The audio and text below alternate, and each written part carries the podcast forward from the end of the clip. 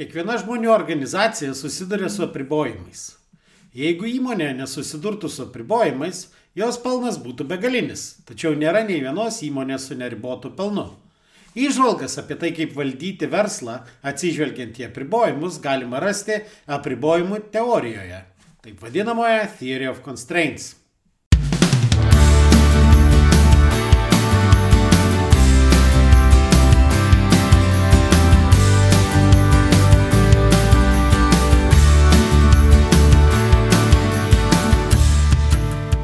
Sveiki, jūs klausotės podkasto Nuo amato prie verslo, kuriame tikima, kad verslas turi būti pajamų, pasiekimų ir pasitenkinimo šaltinis, o ne tik kelti stresą ir deginti laiką. Su jumis aš šios laidos autorius ir vedėjas, verslo konsultantas, treneris ir efektyvumo fanatas Nerius Esnaičius.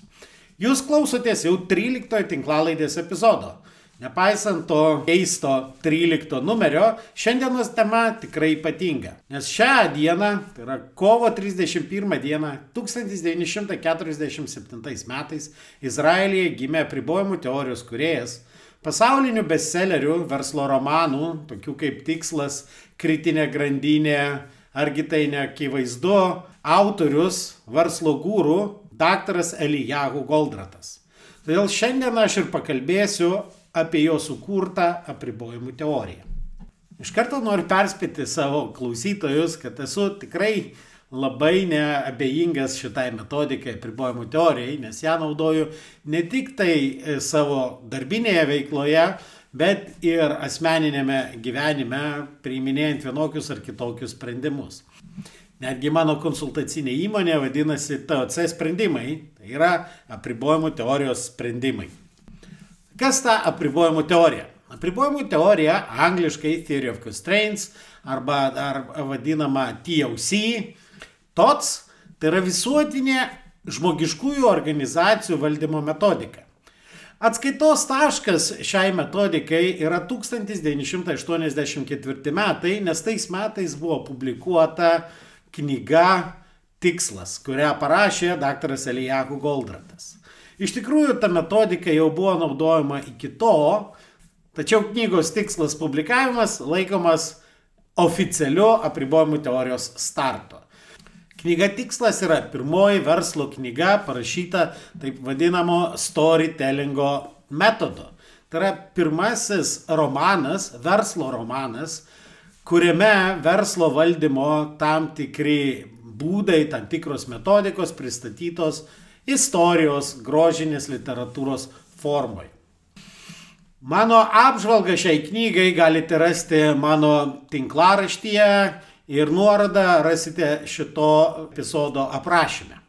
Knygoje tikslas pasakojama istorija vienos gamyklos direktoriaus, kuris iš korporacijos gauna nurodymą per tris mėnesius iš nuostolingos įmonės padaryti pelningą arba ta gamykla bus uždaryta. Ir toliau pasakojama, kaip e, Alex Rogo, tos gamyklos direktorius, per tris mėnesius kartu su komanda, naudodamas tam tikrus principus, kurie vėliau buvo įvardinti kaip apribojimų teorijos principai, kaip jis naudodamas tuos principus per tris mėnesius iš nuostolingos įmonės, taip sakant, išeina į pelną. Bet grįžkime prie apribojimų teorijos.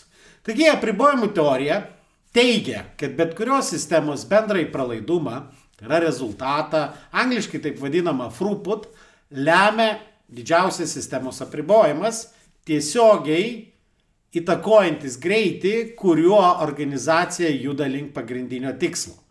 Jeigu kalbame apie įmonę, tai įmonė pagrindinis tikslas uždirbti pinigus. Taigi įmonės sugebėjimo uždirbti pinigus ir tam tikrą pinigų kiekį nulėmė įmonės apribojimas.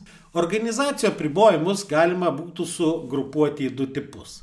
Tai yra išoriniai apribojimai arba vidiniai.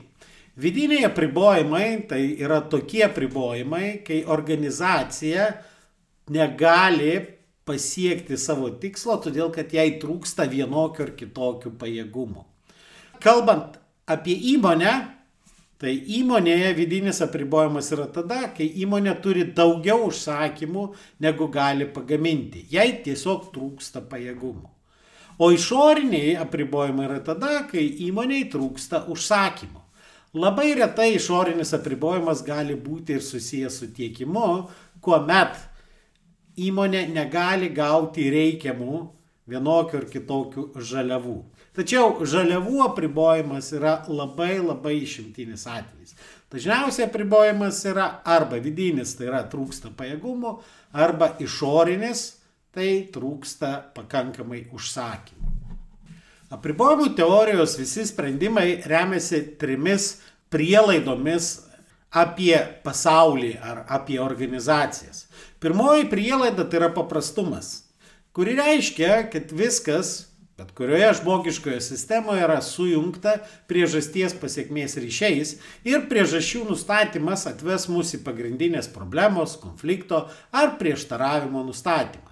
Tai reiškia, jeigu mes organizacijoje turime daug problemų, taip vadinamų problemų arba neigiamų pasiekmių, kurios neleidžia atrodytų uždirbti organizacijai daugiau tikslo, sugeneruoti daugiau tikslo vienetų, arba jeigu kalbam apie įmonę, uždirbti daugiau pinigų, tai tų visų neigiamų pasiekmių priežasčių yra labai nedaug, viena ar dvi.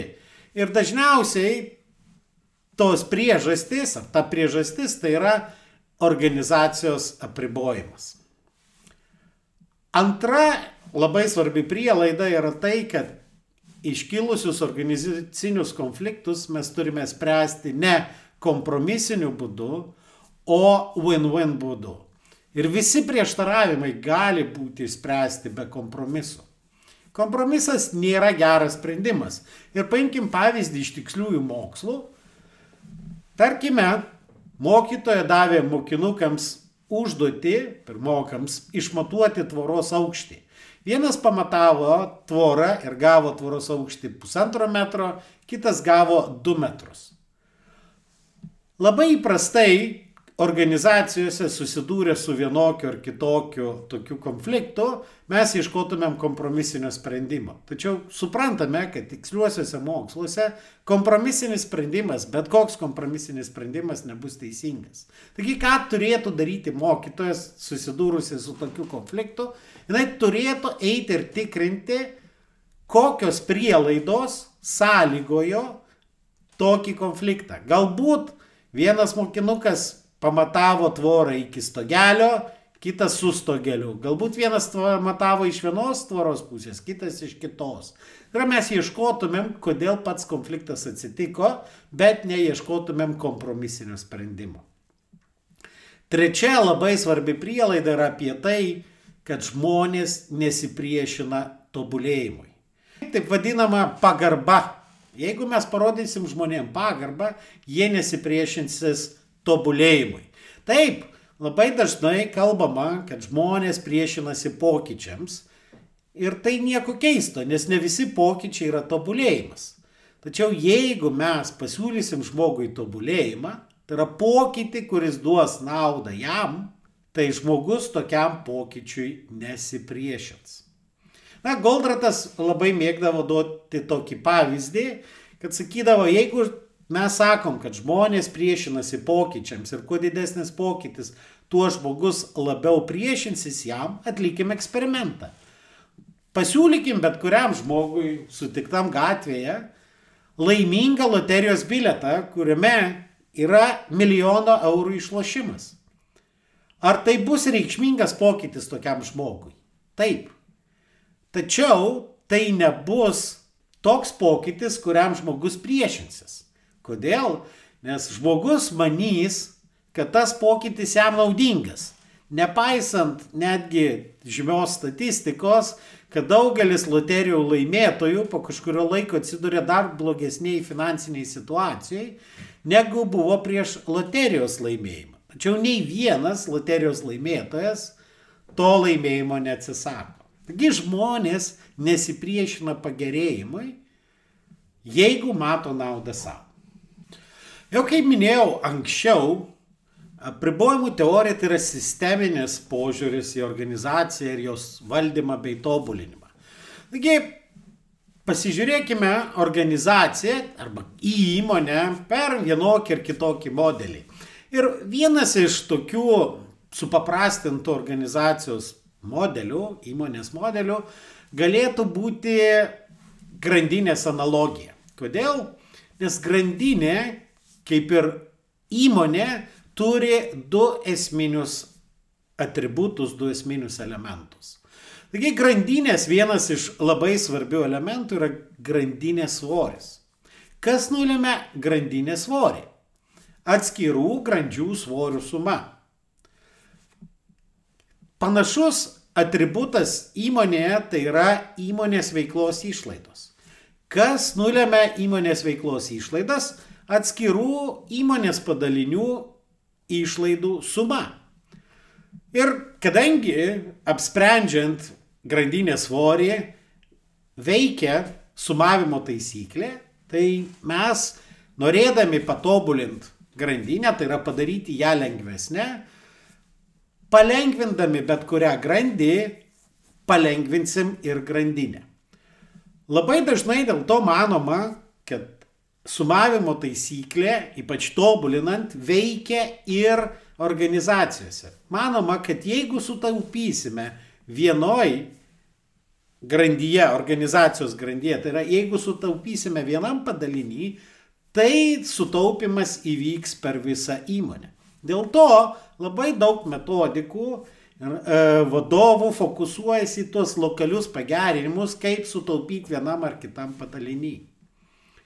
Tačiau mes turime nepamiršti, kad įmonės tikslas nėra turėti nulinės išlaidas.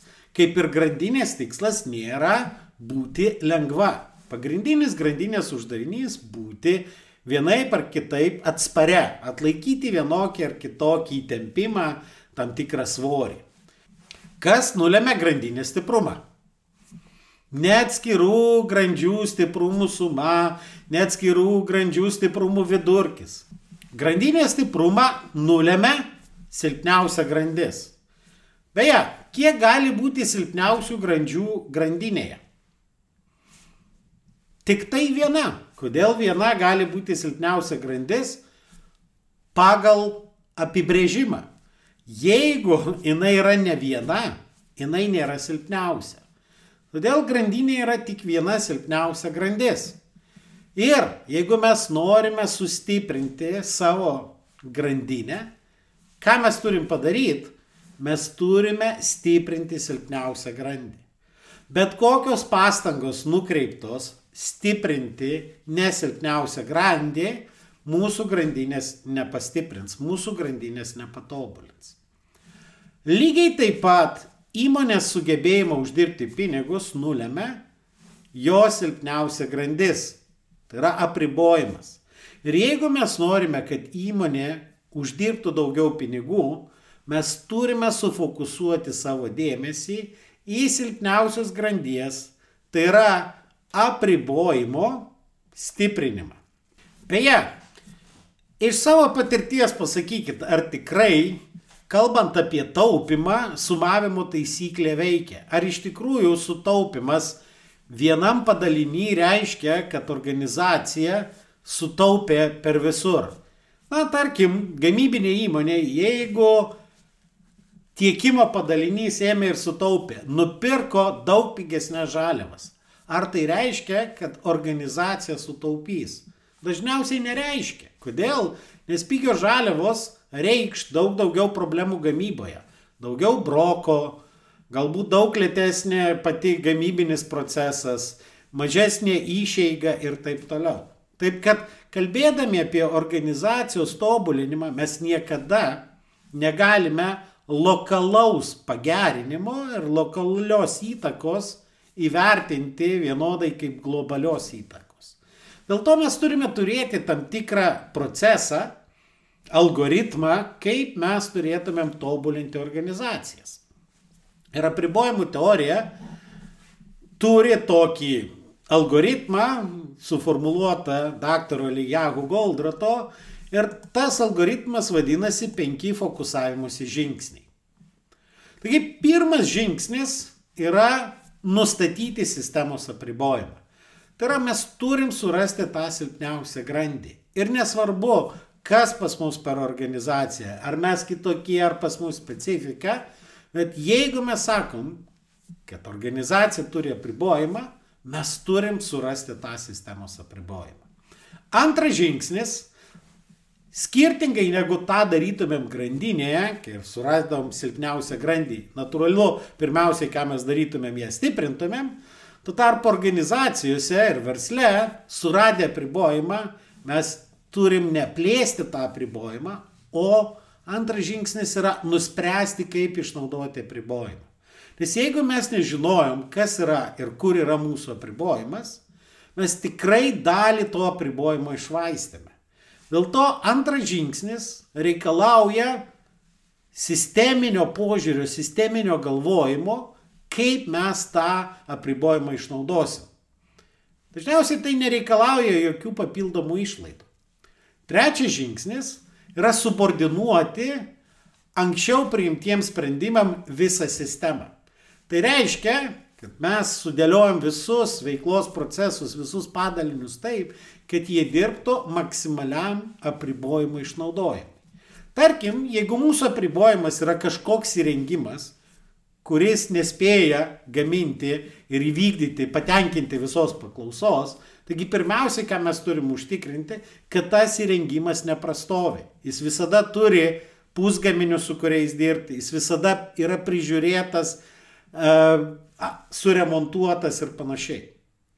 O visi kiti dirba taip, kad tas įrengimas visada dirbtų, neprastovėtų ir darytų tai, ką klientai užsakė, o ne ką nors šiaip darytų. Taip, kalbėjimas, kalbant apie neprastovėjit, tai nereiškia, kad jis daro bet ką, jisai daro tai, kas yra reikalinga. Ir tik ketvirtas žingsnis yra praplėsti apribojimą. Taip, ir tai jau reikalauja ir investicijų, ir papildomų išlaidų, Ir jeigu mes ketvirtam žingsnėje praplėsdami apribojimą jį sulaužėme, tai yra penktas žingsnis, kuris sako, jei apribojimas sulaužytas, turime grįžti į pirmą žingsnį.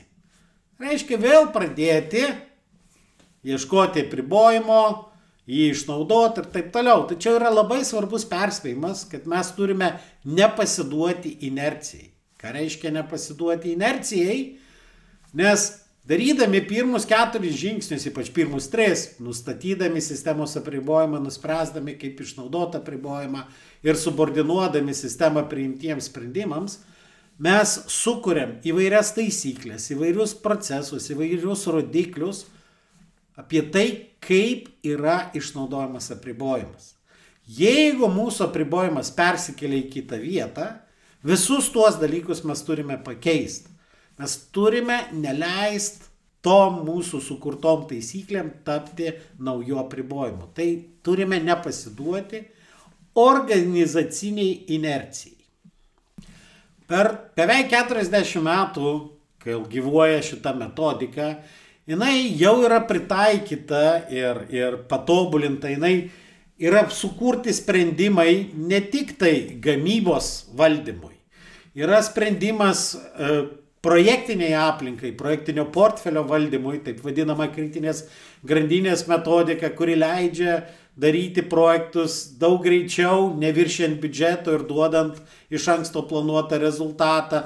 Na, aišku, gamybinis sprendimas, taip vadinamas būkdas buferis virvė su buferių valdymu, yra atskiras sprendimas atsargų valdymui ir papildymui, taip vadinamas e, apribojimų teorijos papildymas su dinaminiu buferių valdymu, yra sprendimas finansams, vadybiniai apskaitai, taip pat pardavimam, marketingui, kaip sukurti pasiūlymą, kurio, nuo kurio klientui būtų sunku atsisakyti, netgi e, kartais juokaudami tai vadiname mafijos pasiūlymu.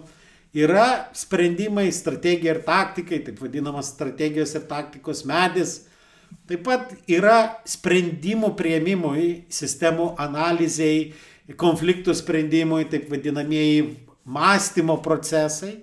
Dėl to apribojimų teorija tai yra platus vadovui įrankių rinkinys, kaip daug geriau valdyti sudėtingas sistemas.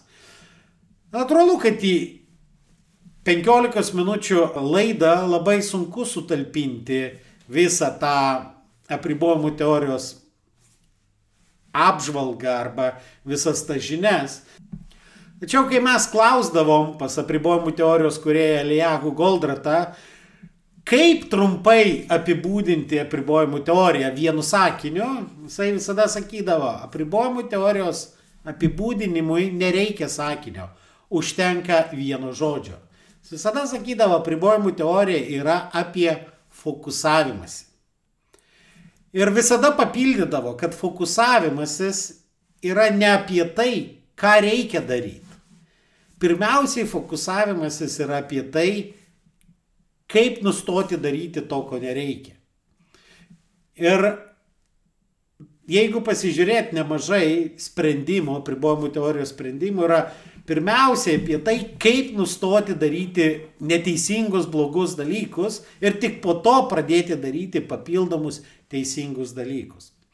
Dėl to, jeigu jūs norite sėkmingai tobulinti savo organizacijas, savo įmonės, tikrai apribojimų teorijos įrankiai yra puikus instrumentas ar instrumentų rinkinys, kaip sufokusuoti savo dėmesį į reikšmingas vietas, kurios duos didžiausius rezultatus. Todėl pabaigai norėčiau palinkėti iš tikrųjų surasti savo įmonės apribojimą, sutelkti dėmesį į to apribojimo geresnį išnaudojimą ir visos sistemos subordinaciją to apribojimo išnaudojimui. Ir jūs pamatysit, kaip per trumpą laiką jūs gausit reikšmingus rezultatus. O kaip tą padaryti? Tikrai galit pasiskaityti knygas, pasižiūrėti webinarus, arba ateiti detaliau pasimokyti. Toj pačioj programoj nuo amato prie verslo mes einame ir kalbamės apie tai, kaip apribojimų teorijos ir lean metodikos įrankius pritaikyti įvairiose verslo srityse. Finansų valdyme, pardavimų valdyme, gamyboj, paslaugose, projektinėje aplinkoje bei pardavimuose ir strategijoje. Tai šiandien tiek ir iki kitų susitikimų. Dėkoju, kad klausėtės. Ir nepamirškite užsiprenumeruoti šį podcastą, kad visuomet gautumėte informaciją apie naujausias laidas. Taip pat būsiu labai dėkingas, jei įvertinsite šį podcastą palikdami atsiliepimą savo įprastoje podcastų platformoje. O jei pažįstate kažką, kam jūsų nuomonė šis podcastas būtų naudingas, būtinai pasidalinkite. Iki!